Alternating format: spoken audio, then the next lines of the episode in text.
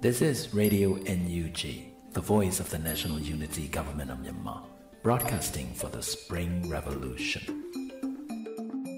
Radio NUG is transmitting from shortwave 16 meter 17.710 MHz daily at 8 a.m. and 25 meter 12 MHz at 8 p.m.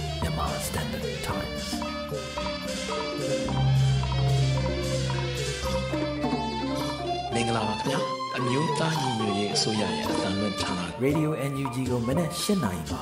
flight meter 16 meter 18.87 MHz ညဘက်မှာ flight meter 25 meter 12 MHz တို့မှာတိုက်ရိုက်ဖမ်းယူနားဆင်နိုင်ပါပြီမင်္ဂလာအပေါင်းနဲ့ပြည့်စုံကြပါစေခုချိန်ကစပြီး Radio NUG အစီအစဉ်လေးကိုဓာတ်ရိုက်အသံလွှင့်ပေးနေပါပြီ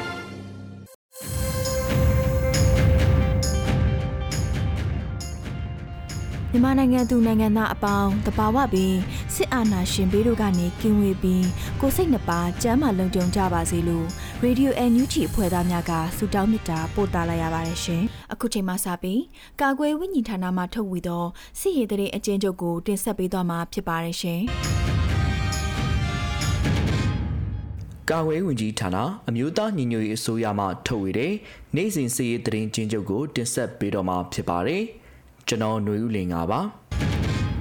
ယနေ့ပြည်သူရင်ခွင်ခိုးလုံရန်ဆက်သွယ်လာတဲ့တပ်သား6ဦးနဲ့ရဲ4ဦးရှိကြောင်းသိရှိရပါတယ်စစ်ကောင်စီနဲ့တိုက်ပွဲဖြစ်ပွားမှုသတင်းတွေကိုတင်ဆက်ပေးကြပါမယ်စကိုင်းတိုင်းမှာ အောက်တိုဘာလ12ရက်နေ့မနက်6နာရီခန့်ကစကားစတက်များမုံရွာမှတင်ကား2စီးကားကြီး2စီးကားသေးတစ်စီးဖြင့်ဘုဒ္ဓလင်ဘက်သို့တွားရာဒေသခံပြည်သူ့ကာကွယ်ရေးတပ်များမှ3ချိန်တိတိမိုင်းဆွဲတိုက်ခိုက်နိုင်ခဲ့ကြောင်းသိရှိရပါတယ်။ အောက်တိုဘာလ12ရက်နေ့မနက်9:00နာရီခွဲခန့်က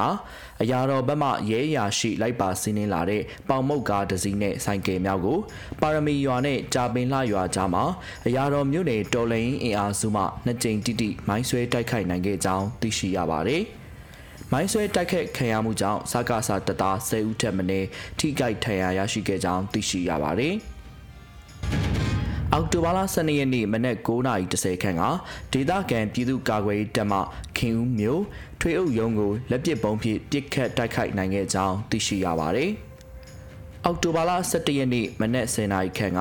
ဒီပိန်းမြို့နယ်ဖျားထွက်ကျွေးရမှာစကားစတက်များပြန်ကြကျွေးရသို့ခြေလင်းထွက်ကာလာစဉ်ဒီပိန်းပြည်သူ့ကာကွယ်ရေးတပ်မှလက်ဦးမှုရယူနိုင်ခဲ့ကြောင်းသိရှိရပါတယ်။စကားစဘက်မှာ9ဦးခန့်ထိခိုက်ဒဏ်ရာပြင်းထန်ခဲ့ကြောင်းသိရှိရပါတယ်။ ကရင်ပြည်နယ်မှာအောက်တိုဘာလ12ရက်နေ့ကကော့ဂရိတ်မြို့နယ်ကော့နွဲ့ကျွရအနီးသို့စကားစတက်မှလက်နက်ကြီးလက်နက်ငယ်များနဲ့ဒရဆက်ပစ်ခတ်တိုက်ခတ်မှုကြောင့် KNL DGBA ခွဲထွက်အဖွဲ့နဲ့ Eagle Barricade တပ်ဖွဲ့များပူးပေါင်းပြီးခုခံတိုက်ခိုက်ခဲ့ကြောင်းသိရှိရပါတယ်။ စကားဆရဲ့ကော့ဂရိတ်အခြေစိုက်69အမြောက်တပ်မမှာလက်နက်ကြီးပစ်ကူများဖြင့်ပစ်ခတ်တိုက်ခိုက်ခဲ့ပြီးစကားဆတပ်သား6ဦးသေဆုံးခဲ့ကြောင်းသိရှိရပါတယ်။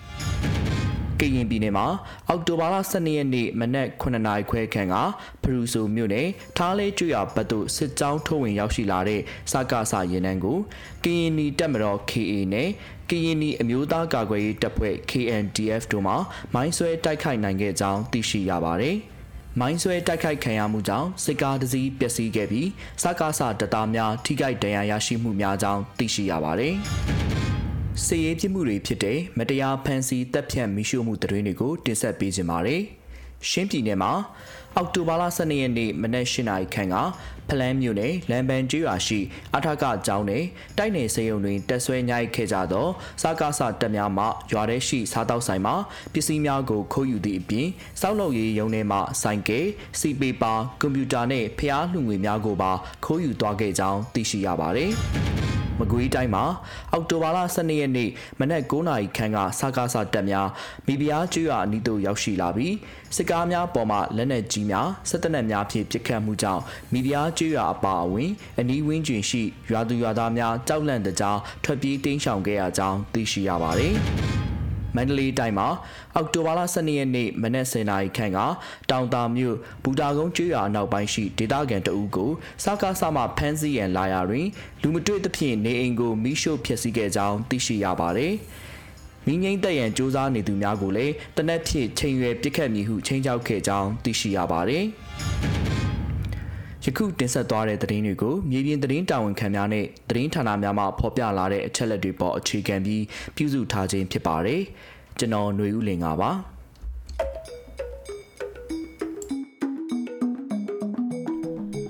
ရေဒီယို NUG မှာဆက်လက်အသံလွှင့်နေပါတယ်။အခုဆက်လက်ပြီးပြည်သူတိုက်ပွဲသတင်းများကိုຫນွေဦးလိပ်ပြမှတင်ဆက်ပေးမှာဖြစ်ပါရဲ့ရှင်။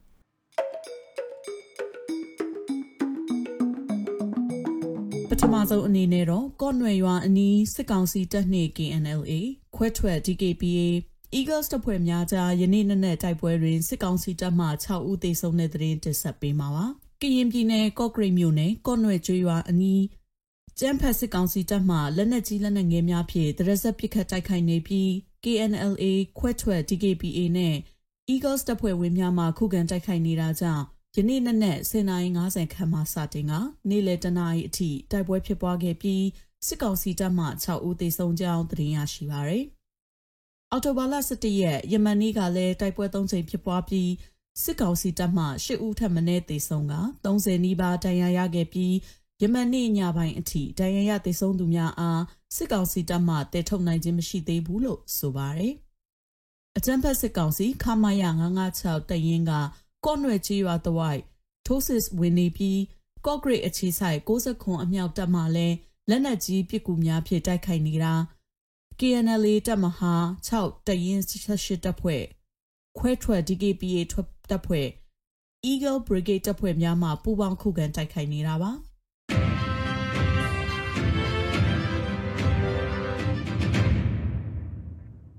ဆက်လက်ပြီးတင်ပြမှာကတော့ဖရူဆိုမြို့နယ်အတွင်းသို့ စစ်ကြောင်းထိုးလာတဲ့စစ်ကောင်စီရင်နှန်းကိုကရင်နီပူပေါင်းတပ်ဖွဲ့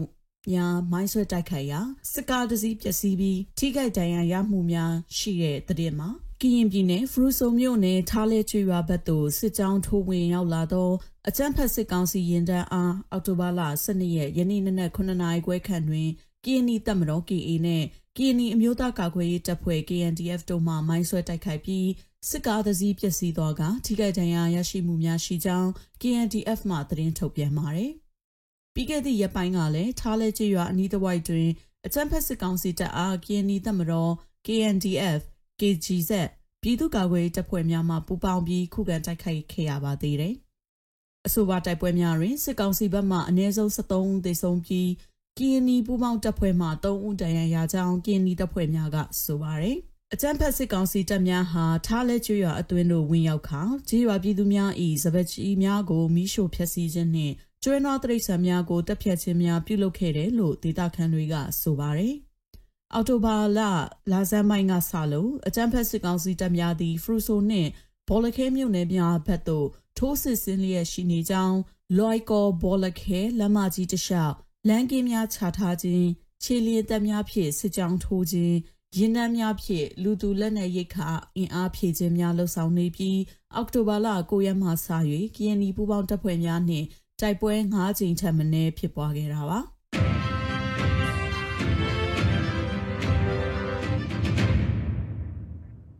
ဆက်လက်ပြီးမုံရွာမြို့အမှတ်နှစ်ရဲစခန်းကို PDF South မုံရွာအဖွဲ့က လက်ပစ်ပုံးတစ်ထဲလို့ရဲနှအုပ်သိဆုံးတဲ့သတင်းတင်ဆက်ပေးမှာပါ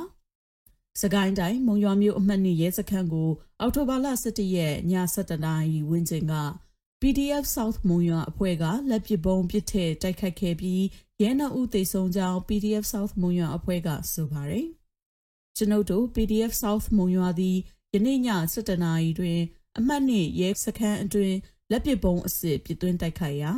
စစ်ကောင်စီနှစ်ယောက်သေပြီးအသေးစိတ် ထိခိုက်ဒဏ်ရာရရှိမှုကိုမသိရှိရသေးပါ။ကျွန်ုပ်တို့ဘက်မှရဲဘော်တအူးခြေထောက်အနေငယ်ပွန့်ပယ်တိုင်းရာမစိုးရင်ကရရှိခဲ့ပါသည်လို့ PDF South မွန်ရွာအဖွဲ့ကထုတ်ပြန်ထားတာပါ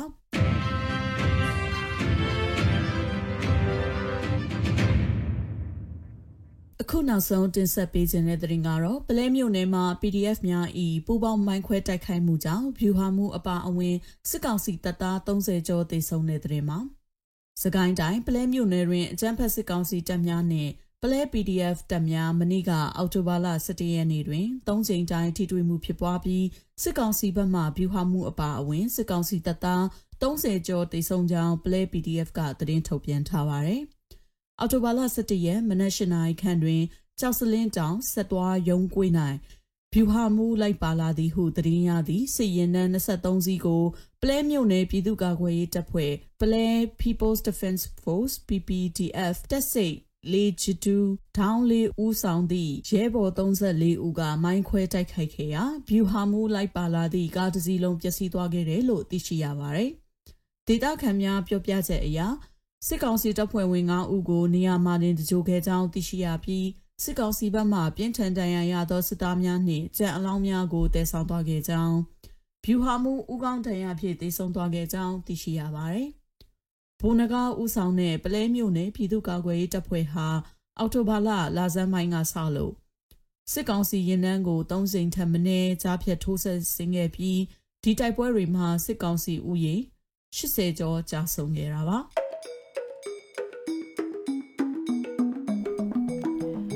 Radio NUG မှာဆက်လက်အတန်းလွှင့်နေပါတယ်။အခုဆက်လက်ပြီးနေ့စဉ်သတင်းများကိုမတ်ထထအင်ဒရာအောင်မှတင်ဆက်ပေးသွားမှာဖြစ်ပါတယ်ရှင်။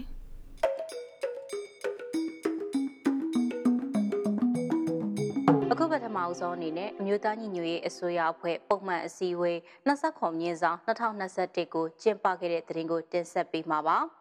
အမျိုးသားညီညွတ်ရေးအစိုးရအဖွဲ့ပုံမှန်အစည်းအဝေး29မြင်းဆောင်2021ကိုဒီကနေ့အောက်တိုဘာလ12ရက်နေ့မနက်7:00နာရီမှာကျင်းပခဲ့ပြီးတော့အစည်းအဝေးမှာယာယီသမရဒူဝါလက်ရှိလာကအမျိုးသားညီညွတ်ရေးအစိုးရအနေနဲ့တော်လှန်ရေးအောင်မြင်ဖို့အလွှာအသီးသီးရဲ့စုစည်းမှုအင်အားတွေလိုအပ်ပြီးညီညွတ်မှုနဲ့သာစစ်ကောင်စီကိုအမြင့်ဖြတ်အနိုင်ယူနိုင်မှာဖြစ်ကြောင်းပြောပါရယ်။ ဝင်ကြီးဌာနအသီးသီးမှအလွှာဆုံးကပညာရှင်တွေနဲ့တိုင်းသားလက်နက်ကိုင်တွေကတက်ကြွသူတွေကိုဖိတ်ခေါ်ပြီးအာဏာရှင်တော်လှန်ရေးအတွက်အင်အားတရက်ထူထောင်ဖို့လိုကြောင်း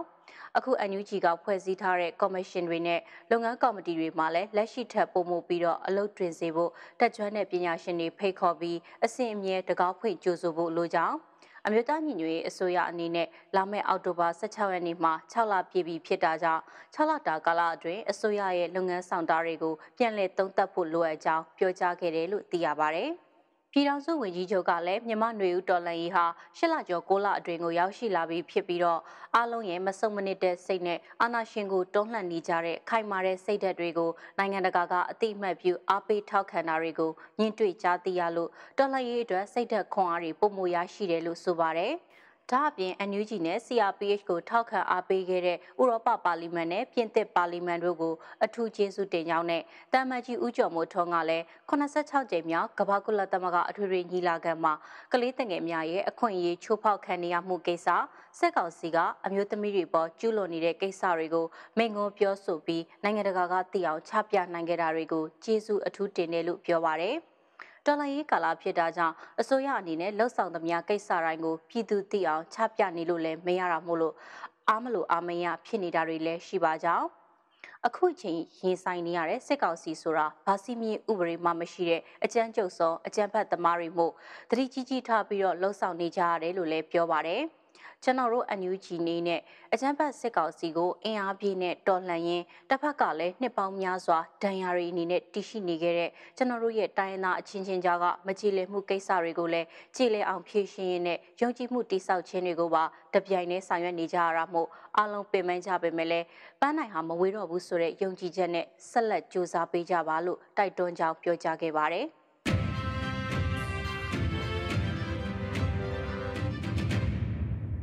အခုဆက်လက်ပြီးတော့အပြည်ပြည်ဆိုင်ရာဘေးရန်ရဲ့ထိခိုက်ဆုံးရှုံးနိုင်ခြင်းရှော့ချရေးနေ့အထိမ်းအမှတ်ဖြစ်စကဝိုင်းဆွေးနွေးပွဲတစ်ခုပြုလုပ်မဲ့တဲ့တင်ကိုတင်ဆက်ပေးပါမယ်။အော်တိုဘာ23ရက်နေ့မှာကြာရောက်မဲ့အပြည်ပြည်ဆိုင်ရာဘေးရန်ရဲ့ထိခိုက်ဆုံးရှုံးနိုင်ခြင်းရှော့ချရေးနေ့အထိမ်းအမှတ်ဖြစ်စကဝိုင်းဆွေးနွေးပွဲတစ်ခုကိုမနက်ဖြန်ညနေ6နာရီမှာပြုလုပ်သွားဖို့ရှိပါတယ်။ စကားဝိုင်းဆွေးနွေးပွဲမှာ moderator အဖြစ်တရုတ်ဆောင်ထောင်းကတာဝန်ယူမှာဖြစ်ပြီးတော့ panelist တွေကအမျိုးသားညီညွတ်ရေးအစိုးရနဲ့ပြည်ထောင်စုဝန်ကြီးတွေဖြစ်တဲ့ဝန်ကြီးဒေါက်တာဝင်းမြတ်အေးဝန်ကြီးဒေါက်တာဒုခောင်နဲ့စာရေးဆရာမမခင်နင်းကြည်တာတို့ပါဝင်ဆွေးနွေးသွားမှာဖြစ်ပါတယ်။ ဒီစကားဝိုင်းဆွေးနွေးပွဲကိုအောက်တိုဘာ23ရက်နေ့ည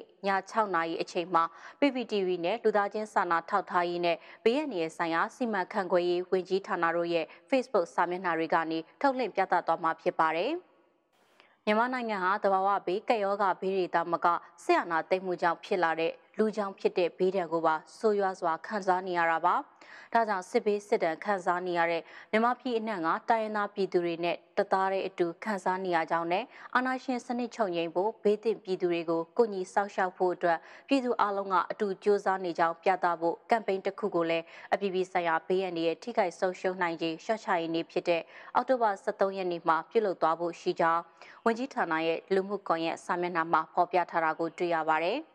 ဒီကမ်ပိန်းမှာပါဝင်မယ်ဆိုရင်ကို့မှာရှိတဲ့တိုင်းရင်းသားဝစ်စုံကိုဝစ်ပြီးတော့လူသားချင်းစာနာမှုကိုပြတဲ့အနေနဲ့ညာဘက်လက်ကိုဘယ်ဘက်နှလုံးသားပေါ်တင်တော်လိုင်းရေးတင်ဂီတလက်သုံးချောင်းထောင်ဓာတ်ပုံရိုက်ပြီးတော့ကိုယ့်ရဲ့ social media တွေမှာမျှဝေရမှာပါဒီလိုပါဝင်တဲ့အခါမှာကိုယ့်ရဲ့တိုင်းသားဝစ်စုံကကိုစားပြုလူမျိုးအဲ့ဒီဒေတာတွေမှာရှိတဲ့စစ်ဘေးရှောင်ပြည်သူတွေနဲ့အတူတကွရှိနေပြီးတော့စာနာထောက်ထားအားပေးကူညီတာတွေလုပ်နေတဲ့ဆိုတော့စတဲ့နှစ်တရာ caption နဲ့ only together DRD 2021မြန်မာ Stop Man-made Disaster in Myanmar ဆိုတဲ့ hashtag စာသားတွေကိုတွဲတင်ပေးဖို့နဲ့ကမ်ပိန်းမှာအားလုံးပါဝင်ပေးကြဖို့လူသားချင်းစာနာထောက်ထားရေးနဲ့ BNN ရဲ့ဆိုင်ရာစီမံခန့်ခွဲရေးဝန်ကြီးဌာနကတိုက်တွန်းထားပါတယ်။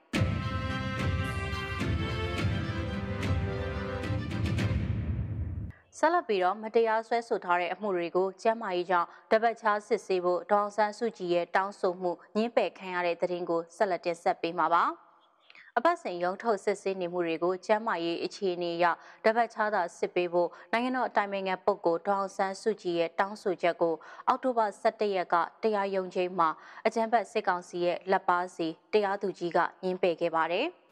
ဒေါအောင်ဆန်းစုကြည်ရဲ့လျှောက်ထားမှုနဲ့ပတ်သက်ပြီးမှုကင်းစီမံခန့်ခွဲမှုနီလန် CMB အရလှုပ်ဆောင်ထားပြီးဖြစ်တဲ့ဆိုတဲ့အကြောင်းပြချက်နဲ့ညှင်းပယ်ခဲ့တာဆိုပြီးတော့သူ့ရဲ့ရှင်းနေအဖွဲ့ထံကနေပြီးသိရပါဗျ။အာနာသိန်းအကြမ်းဖက်စစ်ကောင်စီဟာဒေါအောင်ဆန်းစုကြည်ကိုဖေဖော်ဝါရီ၁ရက်ကလေးကဖမ်းဆီးချုပ်နှောင်ထားပြီးတော့အဂတိလိုက်စားမှုဆွဆွဲချက်တွေအပါအဝင်အမှုပေါင်း၁၀မှုကျော်နဲ့တရားစွဲဆိုထားတာပါ။ရုံးချင်းတွေကိုအပတ်စဉ်တနင်္လာအင်္ဂါကြာသပတေးနဲ့တောက်ကြနေ့တွေမှာရုံးထုတ်စစ်ဆေးလျက်ရှိပါတယ်။ အောက်တိုဘာ17ရက်ကရုံးထုတ်စစ်ဆေးရမှာနိုင်ငံတော်ရဲ့အတိုင်ပင်ခံပုဂ္ဂိုလ်ဒေါအောင်ဆန်းစုကြည်နဲ့သမရဦးဝင်းမြင့်တို့အားတဘာဘေးရနေဆိုင်ရာစီမံခန့်ခွဲမှုဥပဒေပုံမှ25နဲ့ဆွဲချက်တင်လိုက်ကြောင်းတရားသူကြီးကအမိန့်ချလိုက်ပါတယ်။ ဒီမှုနဲ့ပတ်သက်ပြီးဒေါအောင်ဆန်းစုကြည်နဲ့သမရဦးဝေမြင့်တို့နှစ်ဦးလုံးကအပြစ်မရှိကြောင်းတရက်ခွဲမှာထွက်ဆိုခဲ့ကြပြီးတော့ပြန်ခေါ်သက်သေတွေအနေနဲ့တရလိုဖြစ်သူရဲမှုမြင့်နိုင်တဲ့ဒူရဲအုပ်လှိုင်ဝင်းတို့အားပြန်လည်ခေါ်ယူစစ်မေးမှဖြစ်တယ်လို့ရှင်းနေအဖွဲ့ထံကနေသိရပါဗျ။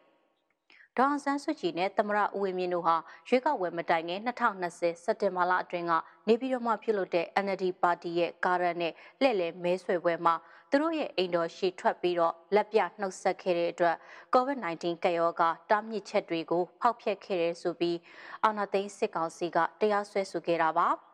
ဒါအပြင်ရုံးချိန်မှာဒေါန်ဆန်းစုကြည်ဟာပို့ကုန်သွင်းကဥပဒေပုံမှန်၈နဲ့တရားစွဲဆိုထားမှုကနောက်တိုးတရလူပြသက်သေဖြစ်သူစက်သွေးဝေကြီးဌာနကလက်ထောက်ညွှန်ကြားရေးမှူးဦးစီသူအောင်ကိုစစ်ဆေးခဲ့ပြီးတော့ဒီမှုအတွက်ရှေ့လာမဲ့ရုံးချိန်မှာဆွဲချက်တင်သင့်မတင်သင့်နှစ်ဖက်ရှင်းနေတွေကရှောက်လဲတင်ပြကြမှာဖြစ်ပါတယ်။ ဒေါန်ဆန်းစုကြည်ကဆက်သွယ်ရေးဥပဒေပုံမှ69နဲ့တရားစွဲဆိုထားမှုအားအောက်တိုဘာ17ရက်ကဆွဲချက်တင်မတင်အမိန့်ချဖို့ချင်းဆိုထားပေမဲ့ပုဂ္ဂိုလ်သွင်းကိုဥပဒေပုံမှ8နဲ့တရားစွဲဆိုထားမှုနဲ့အတူတကွအမိန့်ချဖို့ဆိုက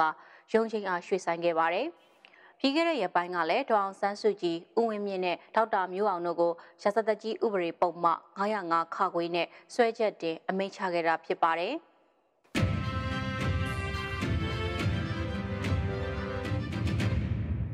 ဆက်လက်ပြီး NUG လူခွေဆိုင်ရာဝန်ကြီးနဲ့ဒိမတ်ရောက်မြန်မာတွေတွေ့ဆုံဆွေးနွေးခဲ့တဲ့ဆိုတဲ့သတင်းကိုတင်ဆက်ပေးမှာပါ။ဒိမတ်နိုင်ငံမှာရောက်ရှိနေတဲ့အမျိုးသားညီညွတ်ရေးအစိုးရ NUG လူခွေဆိုင်ရာပြည်ထောင်စုဝန်ကြီးဦးအောင်မျိုးမင်းနဲ့ဒိမတ်နိုင်ငံရောက်မြန်မာပြည်ပွားတိုင်းရင်းသားတွေရဲ့တွေ့ဆုံပွဲကိုအောက်တိုဘာ9ရက်နေ့ကဖျားရှိခိုးကျောင်းတစ်ခုမှာပြုလုပ်ခဲ့ပါတယ်။အလားတူ၁၀ရက်နေ့ကလည်းပါရမင်းမြို့မှာရှိတဲ့မြန်မာဖုံးတော်ကြီးကျောင်းမှာတွေ့ဆုံဆွေးနွေးခဲ့တာတွေရှိခဲ့ပါတယ်။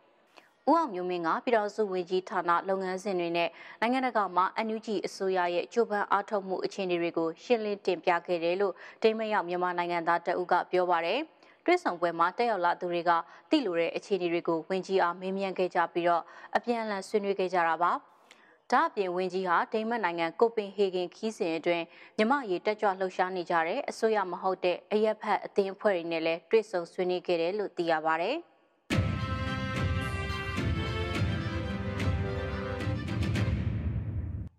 အခုနောက်ဆုံးအနေနဲ့မြန်မာနိုင်ငံတန်ဝမ်ကလူမျိုးပေါင်းစုံဘာသာပေါင်းစုံပါဝင်တဲ့ဆရာနာရှင်အမြင့်ပြည့်ချေမုံရေးလူထုဆန္ဒပြပွဲသတင်းတွေကိုစုစည်းတင်ဆက်ပေးတော့မှာပါ။စကိုင်းတိုင်းရွှေဘုံမြို့နယ်ကြီးရွာတရွာကတော်လှန်ပြည်သူတွေဟာမတရားမှုမှန်သမျှစန့်ကျင်ကြဖို့နဲ့ပြည်သူတင်တဲ့အစိုးရအန်ယူဂျီအစိုးရဆိုပြီးကြွေးကြော်ချီတက်ဆန္ဒပြခဲ့ပါတယ်။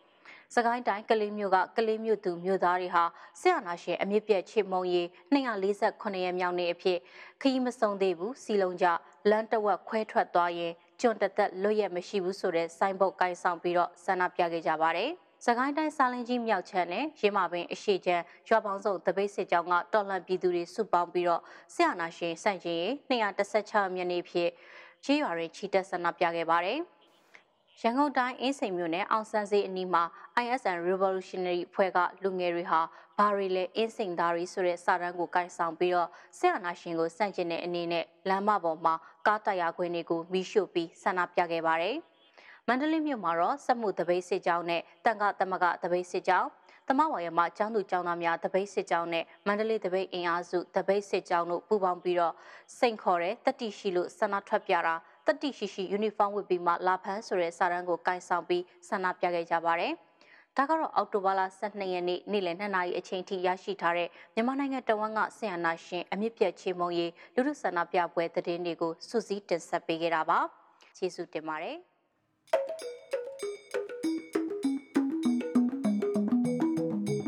Radio NUG မှာဆက်လက်အသံလွှင့်နေပါတယ်။အခုဆက်လက်ပြီးပြည်တွင်းသတင်းများကိုຫນွေဦးမွန်နဲ့ຫນွေဦးမောင်တို့မှတင်ဆက်ပေးမှာပဲဖြစ်ပါတယ်ရှင်။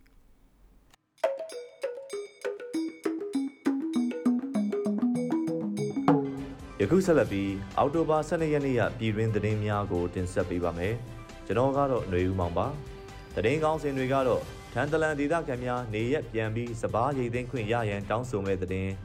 မပဲဈေးကွက်အတက်အကျကျန်းနေပြီးအယောင်းဝယ်မရှိဖြစ်နေတဲ့သတင်းနဲ့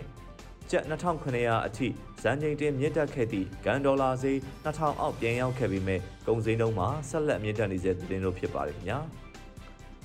ပထမဦးဆုံးတင်ဆက်ပေးမယ့်သတင်းကတော့ ထန်တလန်ဒေသခံများနေရက်ပြန်ပြီးစပားရိတ်သိမ်းခွင့်ရရန်တောင်းဆိုမဲ့သတင်းပဲဖြစ်ပါတယ်။ချင်းပြည်နယ်ထန်တလန်မြို့မှာတိုက်ပွဲဖြစ်ပွားပြီးဆက်ရှောင်နေရတဲ့ဒေသခံတွေအနေနဲ့လိုအပ်တဲ့ပစ္စည်းတွေပြန်လည်တည်ခွင့်နဲ့စပားရိတ်သိမ်းခွင့်ပြုဖို့လုံခြုံရေးတပ်ဖွဲ့ဝင်တွေနဲ့ဒေသခံကာကွယ်ရေးအဖွဲ့တွေကိုတောင်းဆိုသွားမယ်လို့ဒေသခံတို့ကပြောပါတယ်။ လက်ရှိအချိန်မှာစစ်ပေးရှောင်နေရတဲ့ထန်တလန်မြို့ဒေသခံတွေအနေနဲ့နေရေးထိုင်ရေးစားရေးတောက်ရေးနဲ့ကျန်းမာရေးအခက်အခဲတွေကြုံတွေ့နေရပြီးစစ်ပေးရှောင်နေစဉ်ဆုံးပါသွားတဲ့တက်ကြီးရွယ်အိုတွေလည်းရှိကြောင်းဒေသခံတွေကပြောပြပါတယ်။မြို့ကိုဘယ်သူမှပြန်မလာရဲကြဘူးမြို့ပြန်လာရင်လည်းတပ်ပစ်တာမျိုးရှိနေတော့မလာရဲကြဘူးမြို့လုံးကျွတ်စစ်ပေးရှောင်ပြီးဘေးနာကမြို့နယ်တွေရွာတွေမှာရှောင်နေရတာဟာခါမြို့ပေါ်စစ်ပေးရှောင်နေရတဲ့လူတွေကတော့တိတ်အခက်အခဲမရှိဘူး ထန်တလန်နဲ့နီးတဲ့ရွာတွေကတော့အခက်အခဲရှိတယ်စစ်ဖြစ်တော့ဘာဆိုင်မှကိုမရှိတော့ဘူးအခုကျေးရွာတွေမှာအင်ဂျီ90 80လောက်ရှိတယ်သူတို့ကအကုန်မထောက်ပံ့နိုင်ဘူးဆန်ကတော့အသင့်အတင့်ရှိတယ်ဟင်းသီးဟင်းရွက်တွေကတော့ကြားလာတော့တိတ်မလုံလောက်တော့ဘူးနနောက်တို့ကျွဲတို့အနွားတို့လည်းမရှိတော့ဘူးတလားလောက်ဆိုတော့ရှားပါလာပြီးလူတွေကထန်တလန်ပြန်လာပြီးသူတို့ပစ္စည်းတွေသိမ်းကျင်ကြတယ်ဒါပေမဲ့မလာရဲကြဘူး မတင်ရင်မတင်သလိုပြစ်ခတ်တာတွေကအဝေးကနေလှမ်းပစ်လိုက်အနီးကပစ်လိုက်နေမို့လူတွေကမသွားရဲဘူးလို့သူကပြောပါတယ်ခင်ဗျာပြီးခဲ့တဲ့စက်တင်ဘာလ18ရက်မှာမြို့ရင်းတိုက်ပွဲစတင်ဖြစ်ပွားခဲ့ပြီးနောက်ဒေသခံတွေနေရက်ဆွန့်ခွာရပြီးနီးစပ်ရာမြို့နယ်တွေမှာထွက်ပြေးတိမ်းရှောင်နေကြရတာပါလူဦးရေ1000လောက်ရှိတဲ့ထန်တလန်မြို့မှာမြို့လုံးကျွတ်နီးပါးစစ်ပေးရှောင်နေရတဲ့အတွက်မြို့ရင်းမှာလူ800လောက်သာကြန့်ရှိတော့ကြောင်းသိရပါတယ်။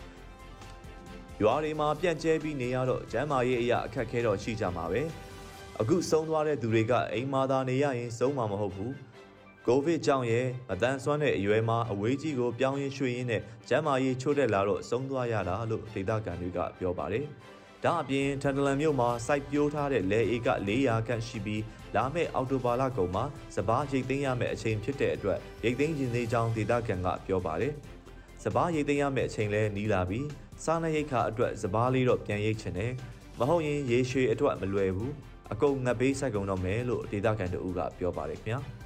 ချင်းမီနယ်ထန်တလန်မြို့မှာပြီးခဲ့တဲ့စက်တင်ဘာ18ရက်မှာတိုက်ပွဲတွေဖြစ်ပွားခဲ့ပြီးလက်နက်ကြီးနဲ့ပစ်ခတ်တာကြောင့်နေအိမ်16လုံးခန့်မီးလောင်ပျက်စီးခဲ့ပြီးအသင်းအုပ်ဆရာတော်တဦးလည်းအသက်ခံခဲ့ရပါတယ်။ကျန်းရှိသတင်းများကိုမတ်ຫນွေဦးမမတင်ဆက်ပေးပါမယ်။ကျွန်တော်ကတော့ຫນွေဦးမမပါခင်ဗျာ။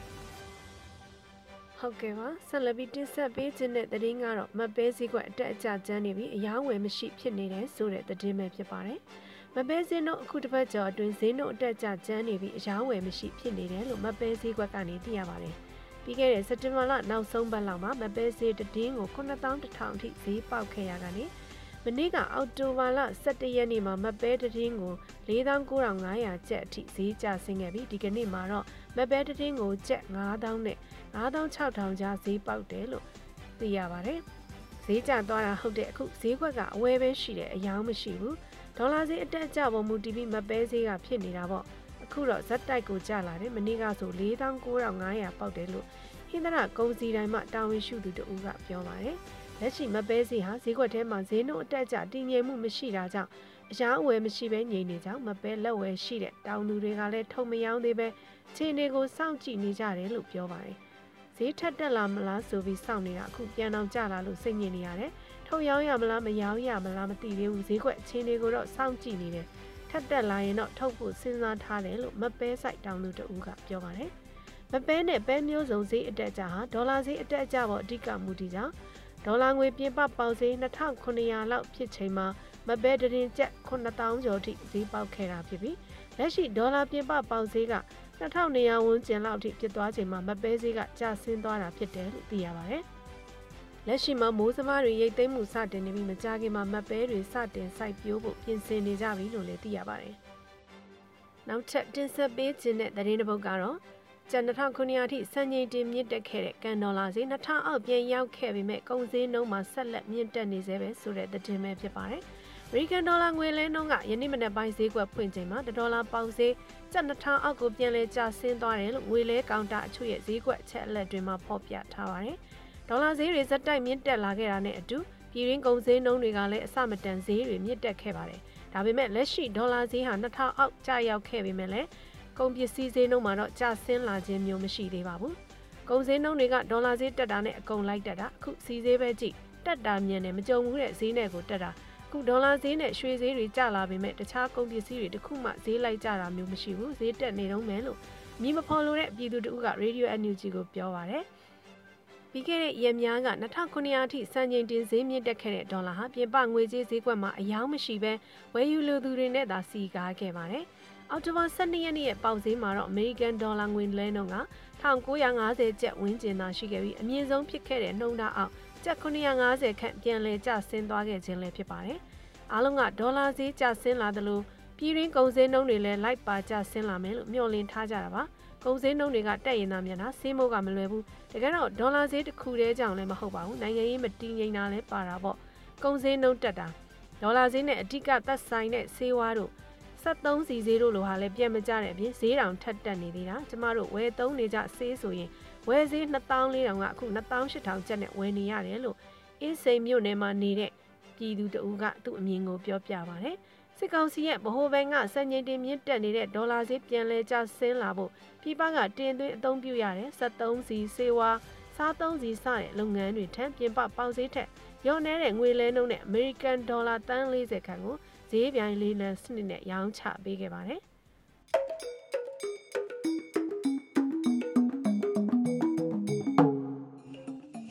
ဒီကနေ့တော့ဒီညနဲ့ပဲ Radio NUG အစီအစဉ်လေးကိုကိတ္တရန်နာလိုက်ပါမယ်မြမစံတော်ချိန်မနေ့၈နာရီညနေ၈နာရီတို့မှာပြန်လည်တွေ့ဆုံကြပါစို့ Radio NUG ကိုမနက်၈နာရီမှာ flight meter 16 meter 19.87 MHz ညဘက်မှာ flight meter 25 meter 12 MHz တို့မှာတိုက်ရိုက်ဖမ်းယူနားဆင်နိုင်ပါပြီမြန်မာနိုင်ငံသူနိုင်ငံသားများ ကိုစိတ်နှပြချမ်းမာချမ်းသာလို့ဘေးကင်းလုံခြုံကြပါစေလို့ Radio NUG အဖွဲ့သူအဖွဲ့သားများဆုတောင်းပေးလိုက်ပါတယ်။အမျိုးသားညီညွတ်ရေးအစိုးရရဲ့ဆက်သွယ်ရေးသတင်းအချက်အလက်နဲ့ဤပညာဝန်ကြီးဌာနကထုတ်လွှင့်နေတဲ့ Radio NUG ဖြစ်ပါတယ်။ San Francisco Bay Area ခြေဆိုင်မြန်မာမိသားစုများနဲ့နိုင်ငံတကာကစေတနာရှင်များလှူအားပေးများရဲ့ Radio NUG ဖြစ်ပါတယ်။အရေးတော်ပုံအောင်ရမည်